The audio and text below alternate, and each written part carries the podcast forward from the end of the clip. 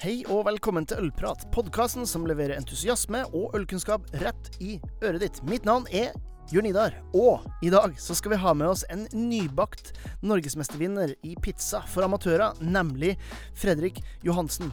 Som òg er en eh, ganske hardcore hjemmebrygger og ølentusiast, så det her blir en eh, meget eh, god prat rundt to av mine favoritting, nemlig pizza og øl.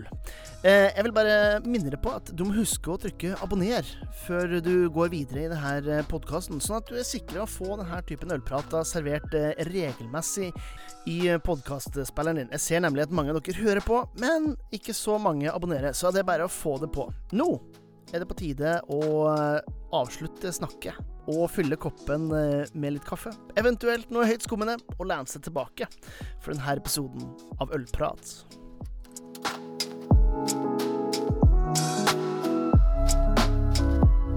Da ønsker vi velkommen til en nybakt norgesmester, eh, og ikke minst da, eh, en, en, en konnoissør når det kommer til, til, pizza. Og hardcore ølnerd. Og jeg tenker få ting passer jo så godt som, som pizzaøl i, i kombinasjon. Så, så, Fredrik Johansen, velkommen til Ølprat.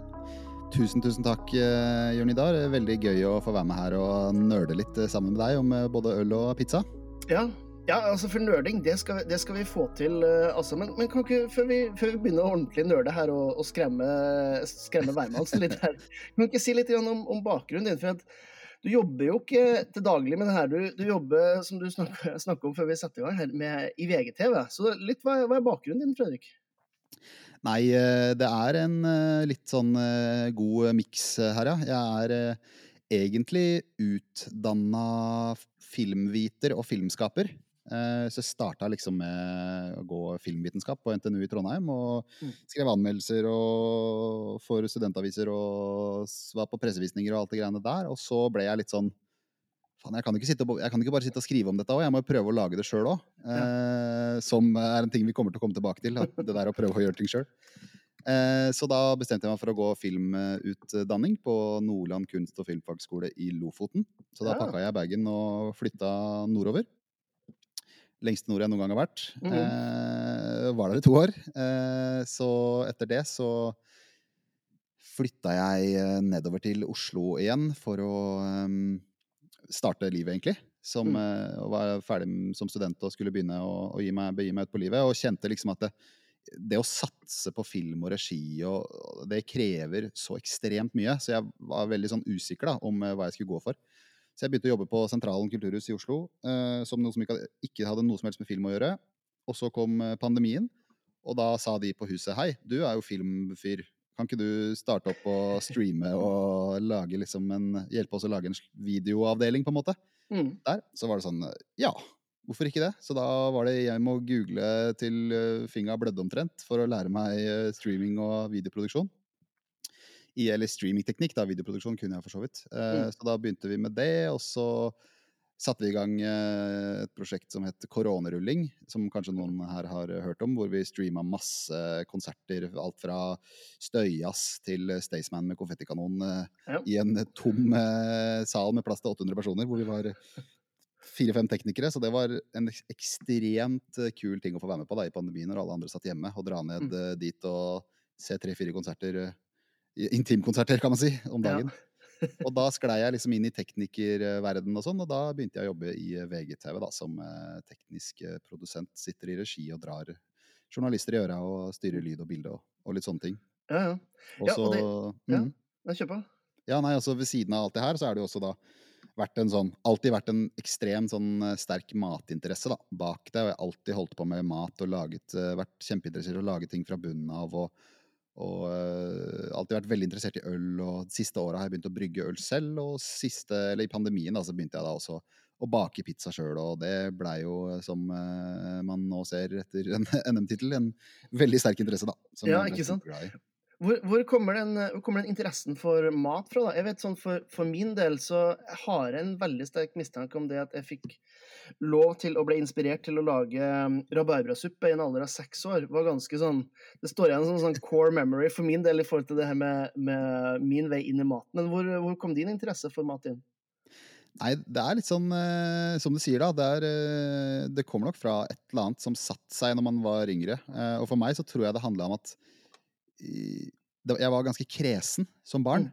Eh, og jeg likte ikke pizza, jeg likte ikke is, jeg likte ikke lasagne. Altså alle de tinga som unger elsker, da.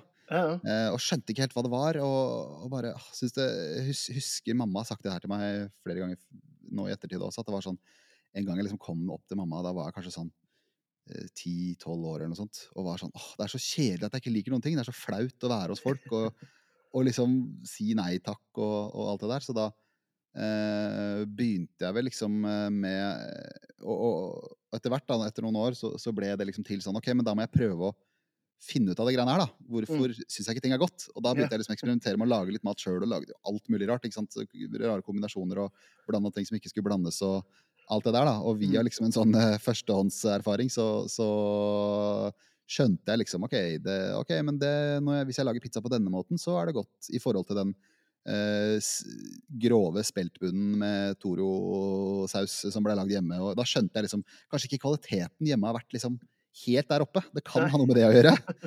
Eh, så da, da begynte jeg liksom å la, prøve å lage ting sjøl, da. Eh, så Mm. det var jo egentlig et prosjekt, prosjekt eh, ikke være kresen. Ja. Som nå førte til at jeg spiser alt mulig rart og har testa det, det meste. Så, Ja, så det er jo også en sånn ting som jeg tror kommer ut av det, at jeg syns det er kjempegøy å liksom prøve nye, rare ting.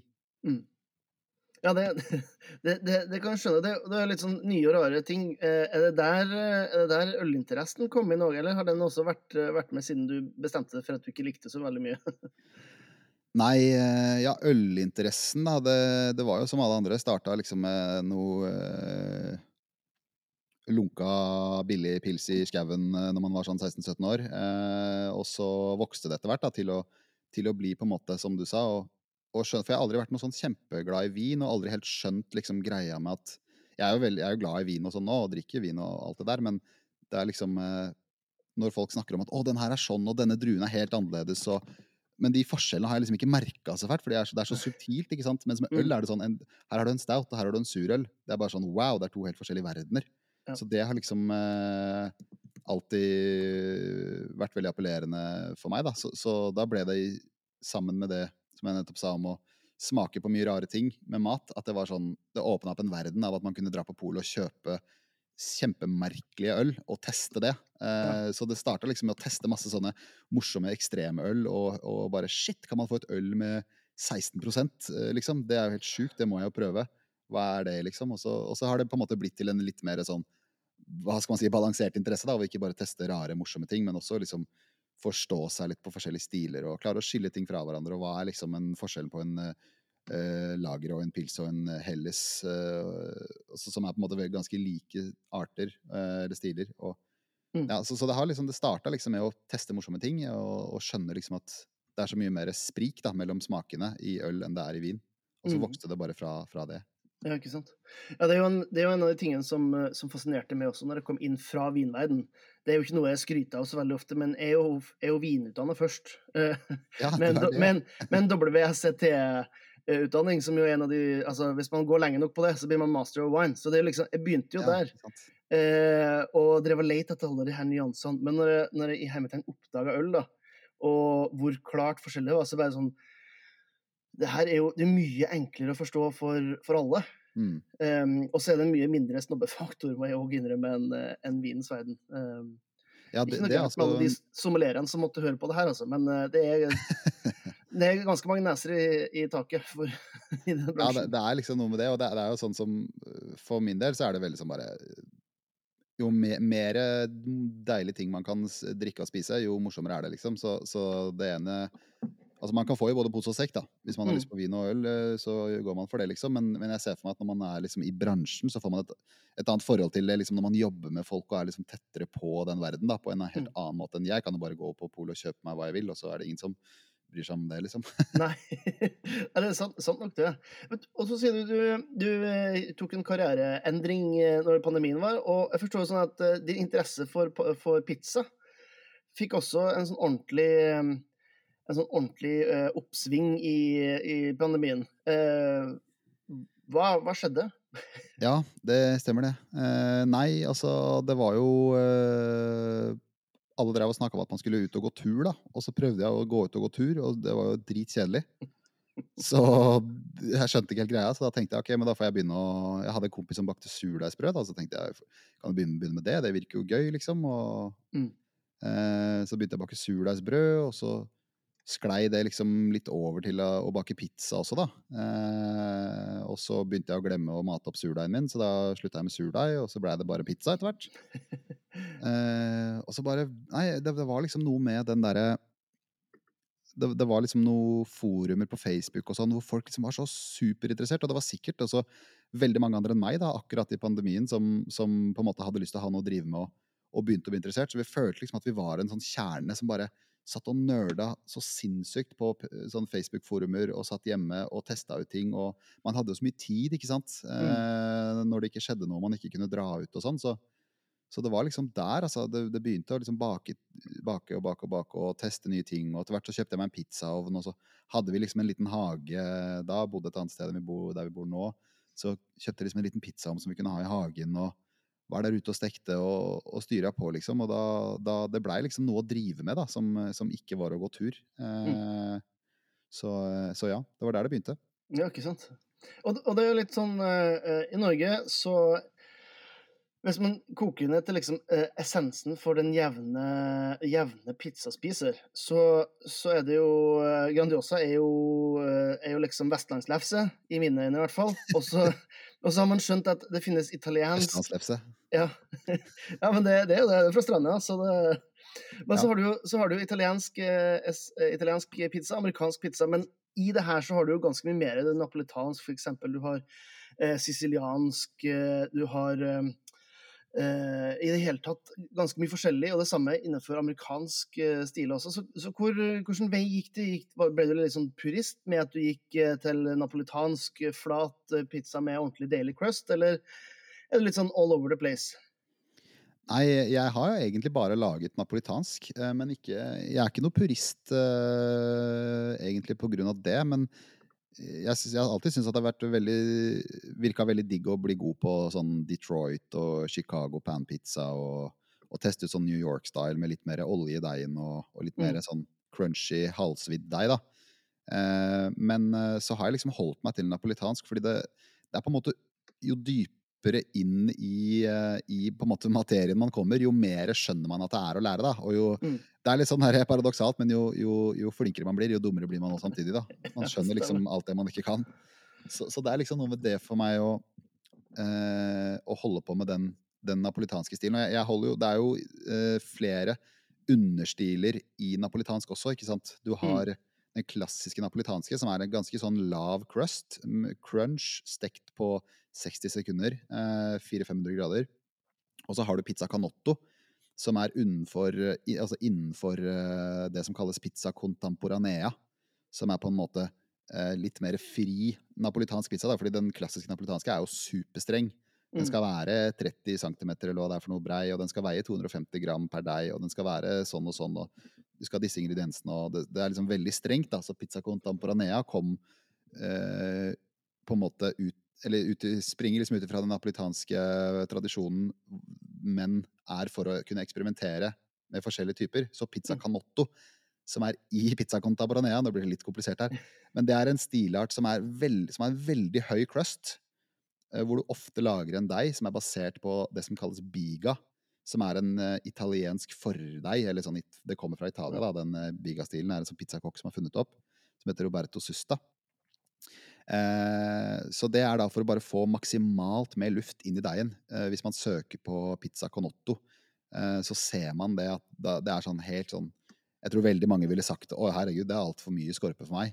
Men det Mm. er så mye luft, og så har du en sånn lett crunch. Det er helt fantastisk. Så, så det er liksom det jeg har drevet med i det siste, og det er det også um, NM-pizzaen min er, da. En, eh, en slags hybrid mellom klassisk napolitansk og canotto. Men, men grunnen til at jeg har på en måte holdt meg i det napolitanske, er jo sånn som jeg sa i stad, at eh, jeg har liksom lyst til å få supergod oversikt over på en måte hvordan gjær fungerer, hva, eh, hva forskjellige hydrasjoner gjør, og litt sånn bare få kjempepeiling da, før jeg begynner å begi meg ut på andre stiler. fordi da, når jeg har det sånn skikkelig, skikkelig, skikkelig i finga, så er det så mye lettere å begynne å teste ut nye stiler. Jeg føler litt at det er som å på en måte begynne å løpe før jeg helt kan gå. Mm. Hvis jeg begynner med masse andre stiler før jeg på en måte har fått helt sånn jerngrep om eh, the basics. Da. Altså, jeg kan jo det ganske godt nå, uh, men eh, ja, jeg har vel jeg har lyst til å være Føle at jeg har ekstremt god kontroll da, på, Mm. på det grunnleggende før jeg liksom begynner å tulle med for mye andre ting. Selv om jeg har veldig veldig lyst til å teste ut Chicago deep dish. Mm. Det, eh, det du sier der, er jo eh, kanskje et par bryggerier som kunne lært litt om også. Og blitt skikkelig skikkelig flink på noe før de på en måte begynner på alle de 138 øl ølstilene man, man har i Ja, det er liksom det. Jeg har lyst til å ha en sinnssykt god pils før jeg lager en rum raisin dipped eh, oatmeal eh, creamy stout, på en måte. St- Stemmer. Men, men når, når liksom, du bruker brukte du eh, liksom 2020 eh, Du investerer i, i egen ovn, eh, timevis av timer på forum og eksperimentering, sikkert til din eh, bedre, din bedre halvdels eh, entusiasme og, og ikke frustrasjon i det hele tatt over at det alltid er liksom sånne halvklisne deigrester utom på kjøkkenet. Ja, det har aldri vært irriterende at det er masse sånne sem semulemel på kjøkkenet, sånn at man sklir rundt eh, på gulvet, eller at det sitter fast litt deig på benken, eller at eh, jeg må bare ut og fyre opp litt i den pizzaovnen, så gidder du å ta kidden eh, litt til, og alle tingene der. har bare vært eh, fryd og gammen. det, det, det, kan jeg, det kan jeg se for meg. Og det, og er jo spørsmålet, men hva, hva er det som får deg til da å, å melde deg på eh, Norgesmesterskapet i pizzalaging, da? Nei, det er bare for å få enda bedre stemning eh, i heimen, da, tenker jeg. nei, nei, altså, det, det er jo eh, Hva skal jeg si? Det Alltid vært veldig glad i å, å, å, å bare kjøre på, på en måte. Tenke sånn Ja, men hvorfor ikke? Og Mm. prøve, liksom. Og, og så duk, det dukka bare opp i en sånn pizzagruppe som jeg er med i på Facebook. Eh, tror det var pit, enten Pizzabakerne eller Napoletansk pizza eller en av de gruppene der så var det som heter Arve Serigstad som posta, posta det, som er en pizza- fra Stavanger. Kjempeflink og, og hyggelig fyr.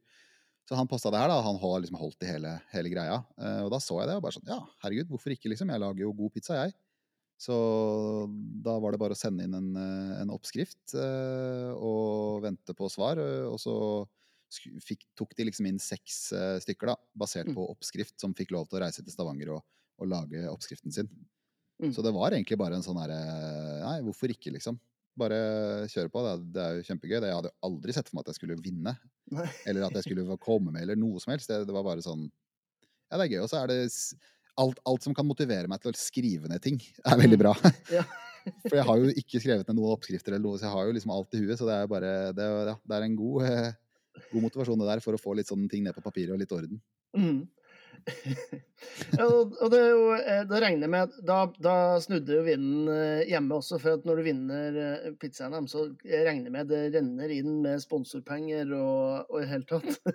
Men, men, men, men hva er det du Hva er liksom Hva er, hva er, vinner, hva er vinneroppskriften i hermetegn? Nå er den jo tilgjengelig på godt.no. Jeg tenker jeg skal ta og linke opp til den i shownotesen for de av dere som hører på det her, så jeg kan lage den, den sjøl. Men hva var på en måte nøkkelen for å lage en så god pizza at du kunne, kunne vinne NM? Nei, så det, det jeg syns hadde som en litt sånn derre Som jeg hadde lyst til å få til, da, som jeg tenkte på som en litt sånn derre brifefaktor. Eller sånn som hvis man ser på Masterchef og sånn, så er det sånn så sier ofte dommerne sånn her, oh, det der er teknisk vanskelig, så det er sånn, da viser du god, eh, god teknikk, på en måte, eller at, at du, det viser håndverk. Da. Så, så det jeg hadde lyst til å få til, som var helt spesielt med min pizza, var å få til en luftig surdeig. Mm. Fordi det er ofte et problem med surdeigspizza, er at det er aldri luftig. Fordi surdeig har ikke så mye trøkk, på en måte. Ehm, så det var liksom eh, litt sånn den der brifefaktoren, prøve å få til det. Og for å få til det, så måtte jeg eksperimentere med å, som vi snakket litt om i stad, sånn eh, biga, den fordeigen da, som man trenger for å lage eh, Eller man trenger det ikke, men det, det funker veldig godt da, for å lage en veldig sånn luftig pizza som hever mye. Mm. Så da måtte jeg eksperimenterte jeg meg mye frem til en, en passende oppskrift de første de ukene før NM, med liksom hvor jeg laget en biga med ferskgjær. Eh, og så når jeg skulle tilsette liksom siste rest av ingrediensen, da, eh, etter at bigaen har fått stått, som man gjerne ofte gjør, og som man da enten tilsetter bare vann og salt, eller litt ekstra mel, også vann og salt. Og da tilsatte jeg, tilsatte jeg surdeigen, sånn at på en måte gjæret i bigaen jobba, sto for liksom luftighet, og så sto surdeigen bare for smaken, da. Mm. Istedenfor at surdeigen står for både heving og smak. Nå er det litt sånn nerdete her og litt komplisert. Jeg prøver å liksom bryte det litt ned, så jeg håper man henger med her. Men, men eh, Og så testa jeg en annen variant der hvor jeg hadde surdeig og ferskgjær i selve bigaen. Mm. For å se hvordan det fungerte. Eh, og det er også et litt sånn eh, problem med at hvis man på en måte blander forskjellige typer gjær, så kan de på en måte begynne å konkurrere litt da, om å få jobben gjort. Eh, så det kan også være et problem. Så da må man liksom prøve litt, da. Så, så det jeg endte på, var å lage en biga basert på ferskgjær, Idun blå, man får i butikken. Og så tilsatte jeg da surdeig og vann og salt etter at bigaen hadde stått i 24 timer. Eh, for at på en måte surdeigen skulle bidra mest bare med smak, og så var det Idun blå ferskgjær da, som skulle stå for eh, selve liksom gjæringa av deigen. Eh, så det var liksom deigen.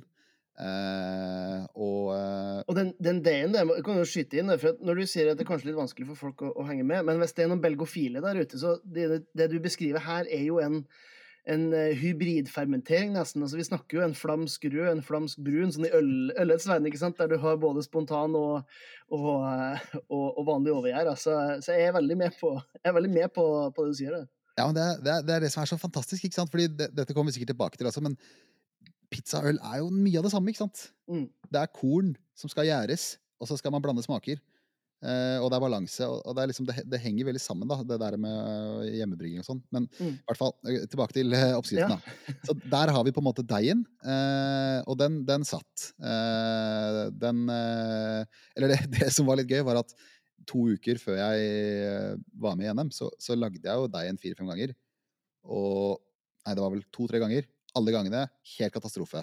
Mm. Så jeg var ganske stressa når jeg dro nedover til Stavanger. Og så møtte jeg, var jeg liksom der og møtte en kompis og sånn, og var egentlig veldig usikker på om jeg skulle Skal jeg sette deg inn før og ta med deg inn på toget? Bare faen, da må jeg leie en frysebag. Med, åh, hvordan skal jeg gjøre det her, liksom? Så bare, nei, ok, jeg lager den på hotellet. Så møtte jeg en god kompis da, som jeg ikke har sett på lenge, så da dro vi jo ut da, og tok noen øl og koste oss. Og så kom jeg hjem og var sånn Fader, nå har jeg liksom tatt litt for mange øl til at jeg skal stå og lage deig. Så jeg sto litt sånn halvbrisen på hotellrommet og lagde den bigaen, egentlig, som endte opp med å vinne NM. Så det er litt sånn morsom eh, historie, da. Men altså, der har vi i hvert fall deigen, og, og, og toppingen er jo da en uh, tomatsaus som er liksom kjempegode San Marzano hermetiserte tomater. Og da fikk jeg tips fra en annen pizzabaker som jeg mener lager Norges beste pizza. Det er uh, Stig Rolfsen, som nå driver uh, The Bear House kafé på Nesbyen. Men han, had, han har også en sånn eh, vogn nede i byen, eh, Pizza Revoluzione, som han eh, skal drive og trener opp folk til da, fortsette å kjøre på. Så det er sånn skikkelig skjult perle, altså. Mm. Eh, så han ga meg tips om eh, de Fontanella-tomatene som han får kjøpt på Bakerovner eh, sin nettside. Som han var sånn Dette er en skikkelig god årgang. Og han- han er liksom, da hører du hvor nerd han er, han er da. ikke sant? Så da bare var jeg sånn, ja, ja, da er det next level. Ja, da er vi next level, ikke sant.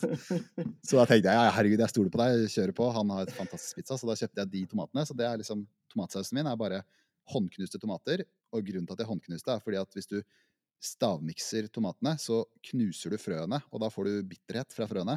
Mm. Så da er vi også på litt sånn next level eh, nerding, men eh, det er viktig ikke sant, når man skal konkurrere. Så håndknuste San Marzano-tomater med litt havsalt. Ikke noe annet. Det er eh, sausen. Ikke kokt, eh, ingenting. Helt fersk. Og så er det mm, eh, mozzarella fior di latte, eh, som er kjempegod fersk, veldig fersk mozzarella. Og så Nei, nei, beklager, nå sødrer jeg. Det er ikke mozzarella på den. Eh, det er burrata etter steking. Eh, som er en, en blanding av på en måte mozzarella og fløte da, inni en sånn mozzarellaball. Mm. Kjempegodt. Og så en duja.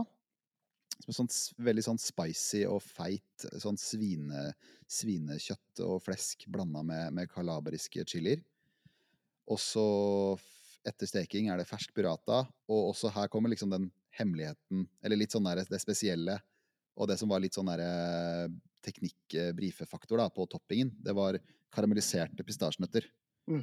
Eh, som jeg hadde preppa i forkant. Eh, så det var liksom for å balansere ut eh, sånn teksturmessig, balansere ut mye av det myke, da, med litt sånn myk feit enduja og myk burrata og litt sånne ting, med en veldig sånn crunchy altså, Som dommerne kalte det, da, noe, noe for tenna, på en Mm, måte. Noe å bite, bite litt i.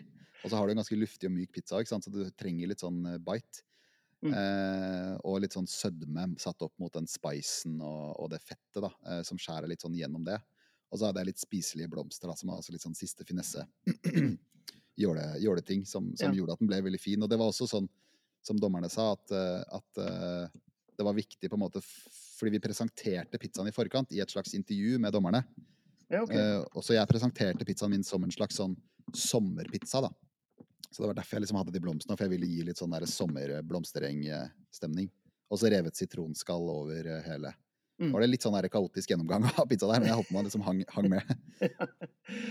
Ja, det, det er mye som skjer, i hvert fall. Og det, det virker jo som at uh, altså, med en eh, NM, eh, NM-seier, så sier det jo litt om, kvaliteten. Og, men du er jo litt sånn uh, Hvis du har tatt med den pizzaen til, til Napoli, tror du, hva tror du du har fått av tilbakemeldinger fra, fra folkets jury? ja? Fra de som er født og oppvokst på, på det? Nei, altså, det, det er jo det som er gøy, da, for jeg har sett det på nett og sånn. eh, litt at Det er jo mange som er, mener veldig sterkt at dette her er ikke italiensk pizza, dette er ikke napolitansk og sånne ting. Sånn kommentarer og folk er ganske sinte på, på det, da. Eh, og det vil man jo alltid få, liksom. Men, men det er en napolitansk eh, pizza, det kan jeg bare si. Det er, pizza, det er en pizza canotto. Eh, surdeig er kanskje ikke så vanlig der. Eh, men det er i hvert fall en pizza canotto som er en napolitansk stil, og den er stekt på 450 grader på en ett minutt, eh, to minutters tid, liksom. Så, så alt det der er gjort veldig klassisk. Og den klassisk pizza canotto skal vel da Deigen skal vel egentlig veie 280 gram, og min Mm. veier 270 gram. Men jeg håper Ja. italienere klarer å tilgi meg for det. så nei, altså, jeg, jeg tror nok det, det var jo som sagt masse publikum på NM, og de, vi lagde pizza til publikum også. Og Ja. det var bare gode tilbakemeldinger der. Og det var jo helt vanlige folk, det. Så, så jeg håper og tror at napolitanere også ville sagt at dette var en, en god pizza. Og det, det er jo en, en eh, kombo jeg har sett ganske mye av, det der med enduja og burrata, i hvert fall. Mm. Så ikke så veldig mye mer enn det, da, men, men det er i hvert fall en kombo som mange kjenner igjen. Så, så jeg tror ikke jeg hadde fått så mye kjeft uh, i Napoli. Men uh, eh, kanskje, kanskje litt. jeg, jeg ser jo eh, min, min teori eh, med mye av problemene som, eh, som i her, eh, nå- Unnskyld. Alle de eh, i hermetegn problemene man har på internett, det baseres på at man har for mye tid. og, og jeg går inn og ser, for faktisk jeg gikk inn på godt.no nå, og den ligger som hovedsak. Den første saken du får opp, det er faktisk den, eh, den eh, oppskriften. Og når jeg ser noen av de kommentarene, er det bare sånn Du kan ikke hete Håvard og påstå at det ikke er pizza. Det går ikke an. Du kan ikke hete Christer. Altså, det er ikke, du er ikke Trym. Trym er jo norsk Altså, du er jo nordmann. Du kan si Ja, ja, hva du vil, da. Så, så eh, Ja, ja nei, altså det, jeg, jeg, bare, jeg er, som vi snakka litt om i stad også, jeg er ekstremt lite purist. Altså, jeg eh, spiste Big One forrige uke, liksom. Det er dritdigg, det òg. Så, så jeg syns det er veldig viktig at man skal ikke Ja, jeg, jeg skjønner ikke at man liksom kan sitte og mene så jævlig mye om eh, noe som kommer fra Altså sånn Ja, kanskje hvis jeg hadde vært med i Smalahove-NM, så kunne man sitte i Norge og ment litt, men eh, det, får, det får så være. Dagens episode er sponsa av Kulinarisk ølsirkus, en festaften som jeg arrangerer den 3. februar på Grorud. Her kommer fem bryggerier som har en eh, helt unik rolle inn i en eh, femretters ølmiddag, med foredrag, presentasjoner, god stemning og høy valuta for pengene. Så hvis det her eh, høres interessant ut, så kan du sjekke olsirkus.no for mer informasjon, eventuelt gå på linken i shownotesen. Nå tilbake til ølpraten. Mm. Og, da, er jo- nå er det litt sånn spørsmålet da. Når, når du har laga det her sånn, det er jo ikke noe tvil om at, den er, at, eh, at det holder mål, og, og vel så det med, med en tittel. Og det er jo spørsmålet Du som ølnerd, hva ville du ha drukket med akkurat den her? Ja, det eh, Av øl, da, selvfølgelig. Ikke sant. Eh, av, med, til akkurat denne her, så tror jeg nok at jeg ville drukket en, en um, For eksempel Kinn sin, eh, sin humlepils. Mm. Uh, en sånn litt sånn svakt humla pilsner, eller, eller en, en, en, en litt sånn svakt humla pale ale. Ital, italiensk pale ale, eller et eller annet sånt. Det syns jeg er kjempegodt. Denne pizzaen er litt sånn derre eh, Litt sånn blomsterpreg, bare, fra humla. Eh, Mm. Og så har du liksom litt spiselige blomster, ikke sant, og litt sånn sitronskall og, og, og litt sånne ting. Og, så det, det er liksom Det er megagodt, syns jeg. Og så litt kaldere enn den bør være kanskje også, faktisk. Eh, eller en, en, en litt sånn hvete-pilsner-hybrid. Ikke en sånn Mm. skikkelig bananhveteøl, men en litt sånn Litt sånn der, kanskje litt sånn blank eh, stil, hvor du får litt av det der sitronpreget. Eh, det tror jeg går kjempebra med den, for du får den der, av liksom det revne sitronskallet på pizzaen, så får du litt det derre svake liksom sitruspreget. da, Så det, det er en veldig god kombo, syns jeg. Noe veldig sånn friskt og lyst. Mm. Jeg ser jo eh, flere fra norske bryggerier har jo hoppa på Italian Pilsner, som jo er super crispy og med en liten sånn, Mm. Akkurat en liten bite med, med, med humle. Og det tror jeg kunne passa veldig, veldig godt til den her. eh, Ja, hva hadde, du, eh, hva hadde du gått for? Jeg hadde nok personlig gått for, for noe sånt som det. Eh, nå er det jo full disclaimer i det faktum at jeg, det er jo jeg som selger den, men Tipo-pilsen fra, Ja. fra Beneficio Tilano selvfølgelig er jo, er jo på en måte grunnleggeren av stilen. Men den Mm. Tipo-pilsen til Ikke Tipo-pilsen, men den italienske pilsen til fjordfolk. Nå husker jeg ikke den i eh, oh, ja. eh, Den er jo Skal vi se her Italian Pils. Det er jo Bella Ciao. Mm. Eh, Den tror jeg kunne vært, eh, vært god. Den hadde vært helt perfekt, tror jeg, hvis du hadde kunnet bumpe den opp til, eh, til 5,6 istedenfor 4,7. da, Men eh, jeg tror det Ja, kunne passe, passe, passe godt, altså. Ja, den, eh, det, må, det må testes. Så, ja, det er jo litt den litt de samme egenskapene som du, som du, eh, som du beskriver i, i, i, i pilsen fra, fra Kinn også. Har jo, er jo Ja. litt i den stilen også. Ja, den har også passet veldig bra. Altså, og så eh, har jeg også testa jeg, tror- jeg tror også liksom for eksempel altså en, en sånn litt sånn svakt surna saison, eller, Mm. eller en, en eh, type orval, eh, hvor du får litt Mm. det der med surdeigen, liksom, i Ja. pizzaen. Og det, er sånn eh, ganske god og litt sånn mer artig kombo. Ikke sant? Litt mer kompleksitet i det, ja. Ja, ikke sant? Ja, det, det er jo litt sånn Nå, nå har du jo Du, du brygger jo hjemme.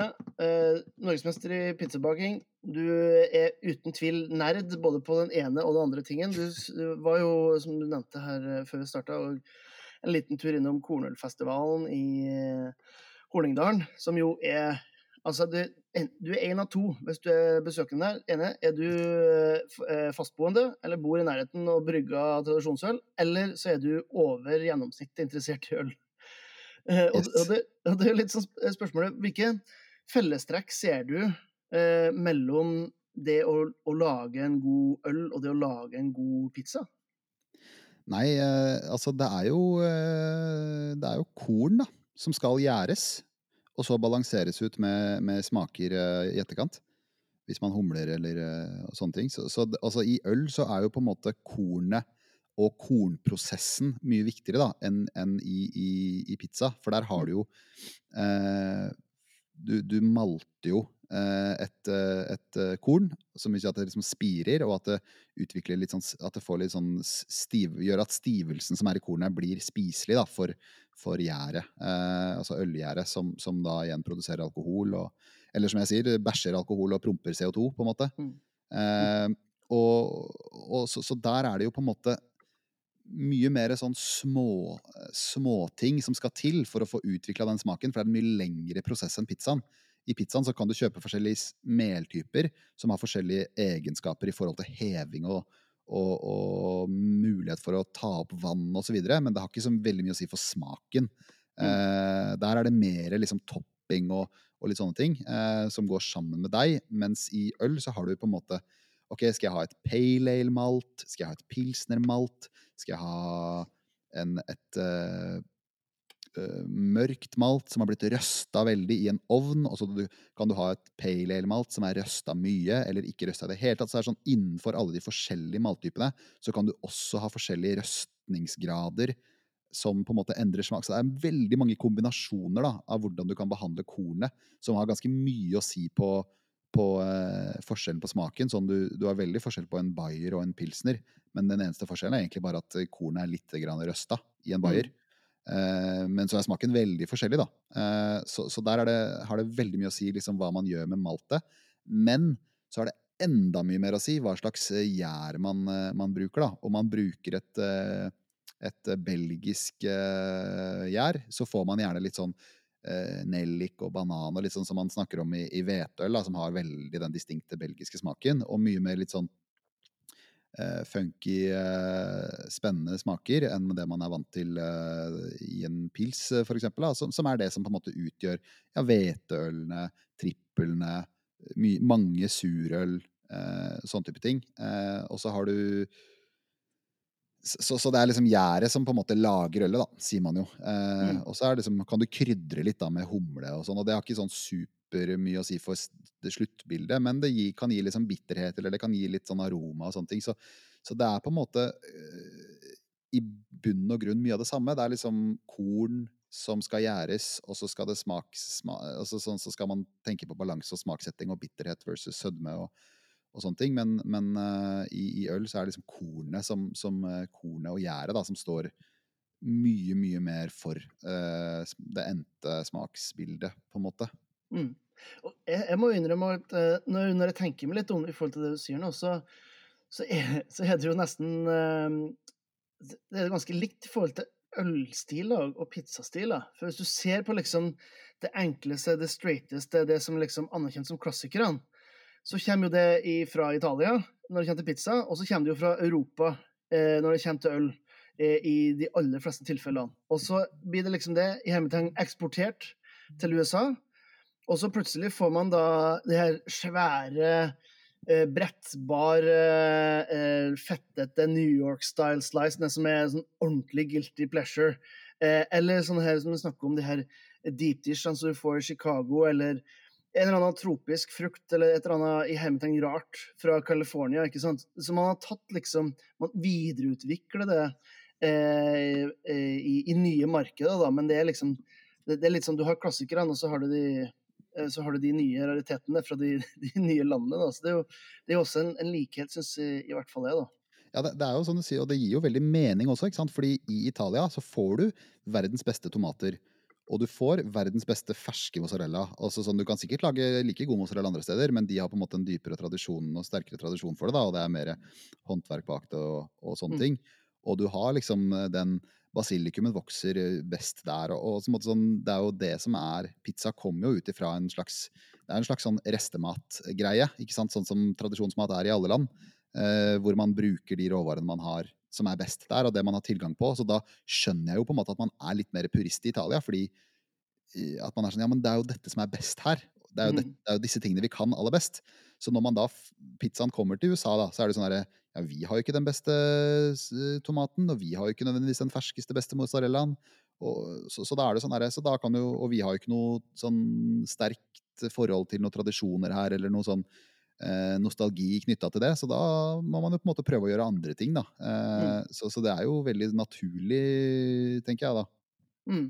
Ja, jeg er helt enig. Det er jo samme om man ser uh, ja, sånn som uh, pale ale, for eksempel. Amerikansk pale ale versus britisk pale ale, som er to forskjellige verdener, egentlig. Annet enn at de er pale, da. Uh, og at de er ale. Det er liksom det eneste som, som er likheten. Men det var jo akkurat det samme med at man man måtte bytte ut uh, gjerda, man måtte bytte ut råvarer rett og slett fordi at man tilpasset til det man var. Og da, man, har jo, man, har jo, essensen, men det er noe helt annet til slutt. og sånn blir det jo. Man har jo, man har jo korn i, i staten òg, men man har kanskje ikke de samme, som sier, de samme tomatene og de samme råvarene og, og tradisjonene. Og, og, tradisjon er ikke alltid en positiv heller, det kan være en negativ, det også. Så det, ja. er mer, gjerne mer innovasjon i sånne Eh, nye land da, i forhold til utvikling av, eh, ja, du trenger, jo, Hvis du har en veldig sånn sterk tradisjon, så trenger du at det kommer en eller annen uh, anti-janteloven-person som bare hvelver inn og begynner å dra i tradisjoner og tukle det til og kødde og, og finne på nye ting. Man trenger jo liksom det for å, for å,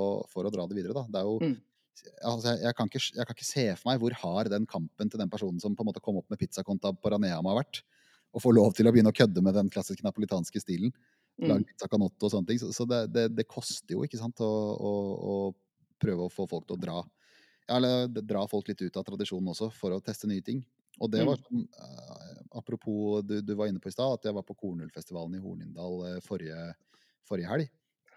Og det var helt rått å se de tradisjonsbryggerne der, ikke sant, som har brygga i hundrevis av år og lært av faren sin, som har lært av faren sin.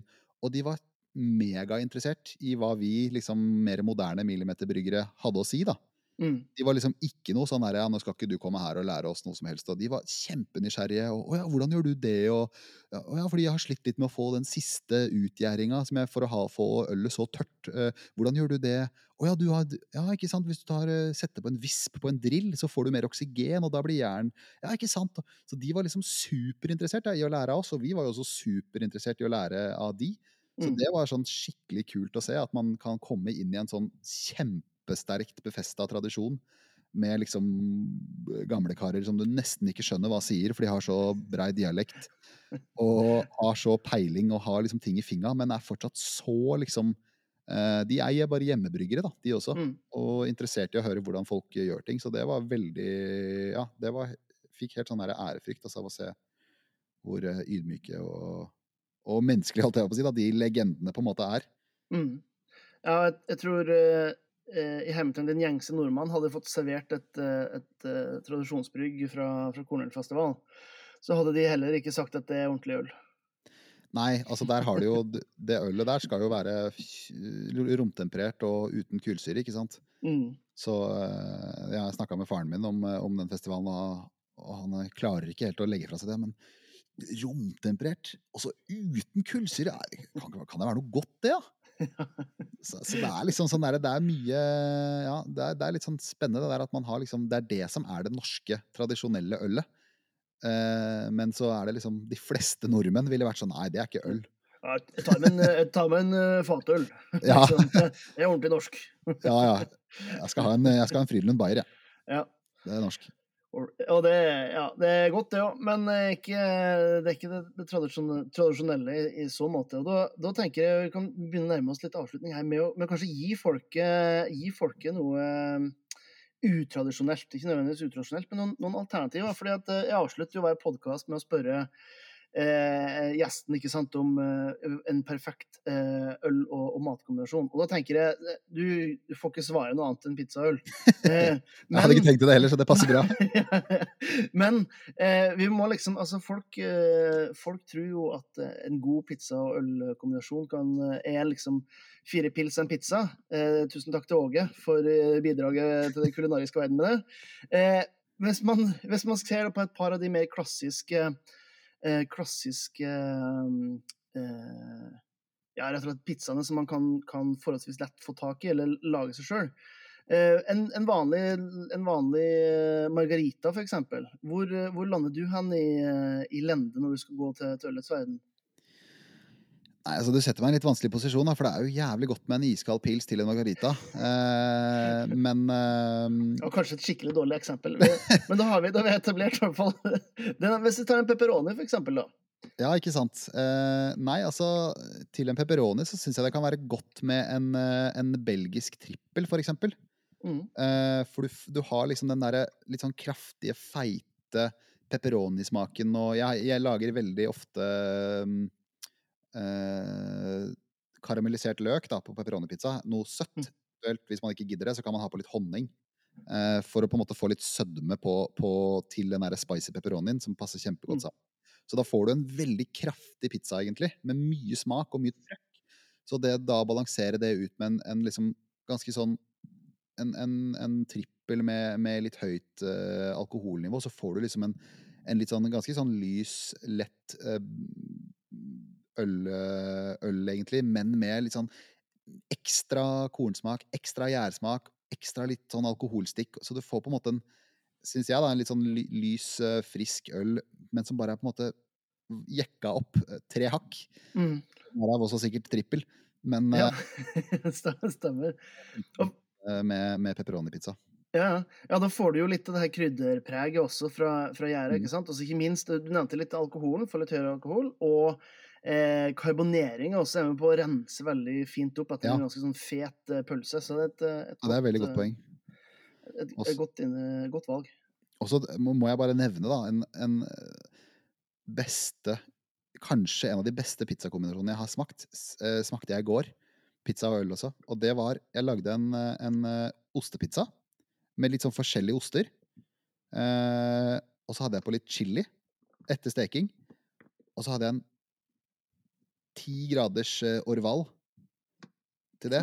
Så det var, det var en så, så god kombinasjon. Også litt sånn der funky ostepizza. Man kan ha på de ostene man liker, liksom, hvis man vil ha blåmuggost, eller hvis man vil bare ha taleggio, eller hvis man må finne på noe, liksom. Bare ha litt forskjellige oster, litt parmesan og litt mozzarella og litt sånn. Sånn skikkelig Mm. sånn feit ostepizza.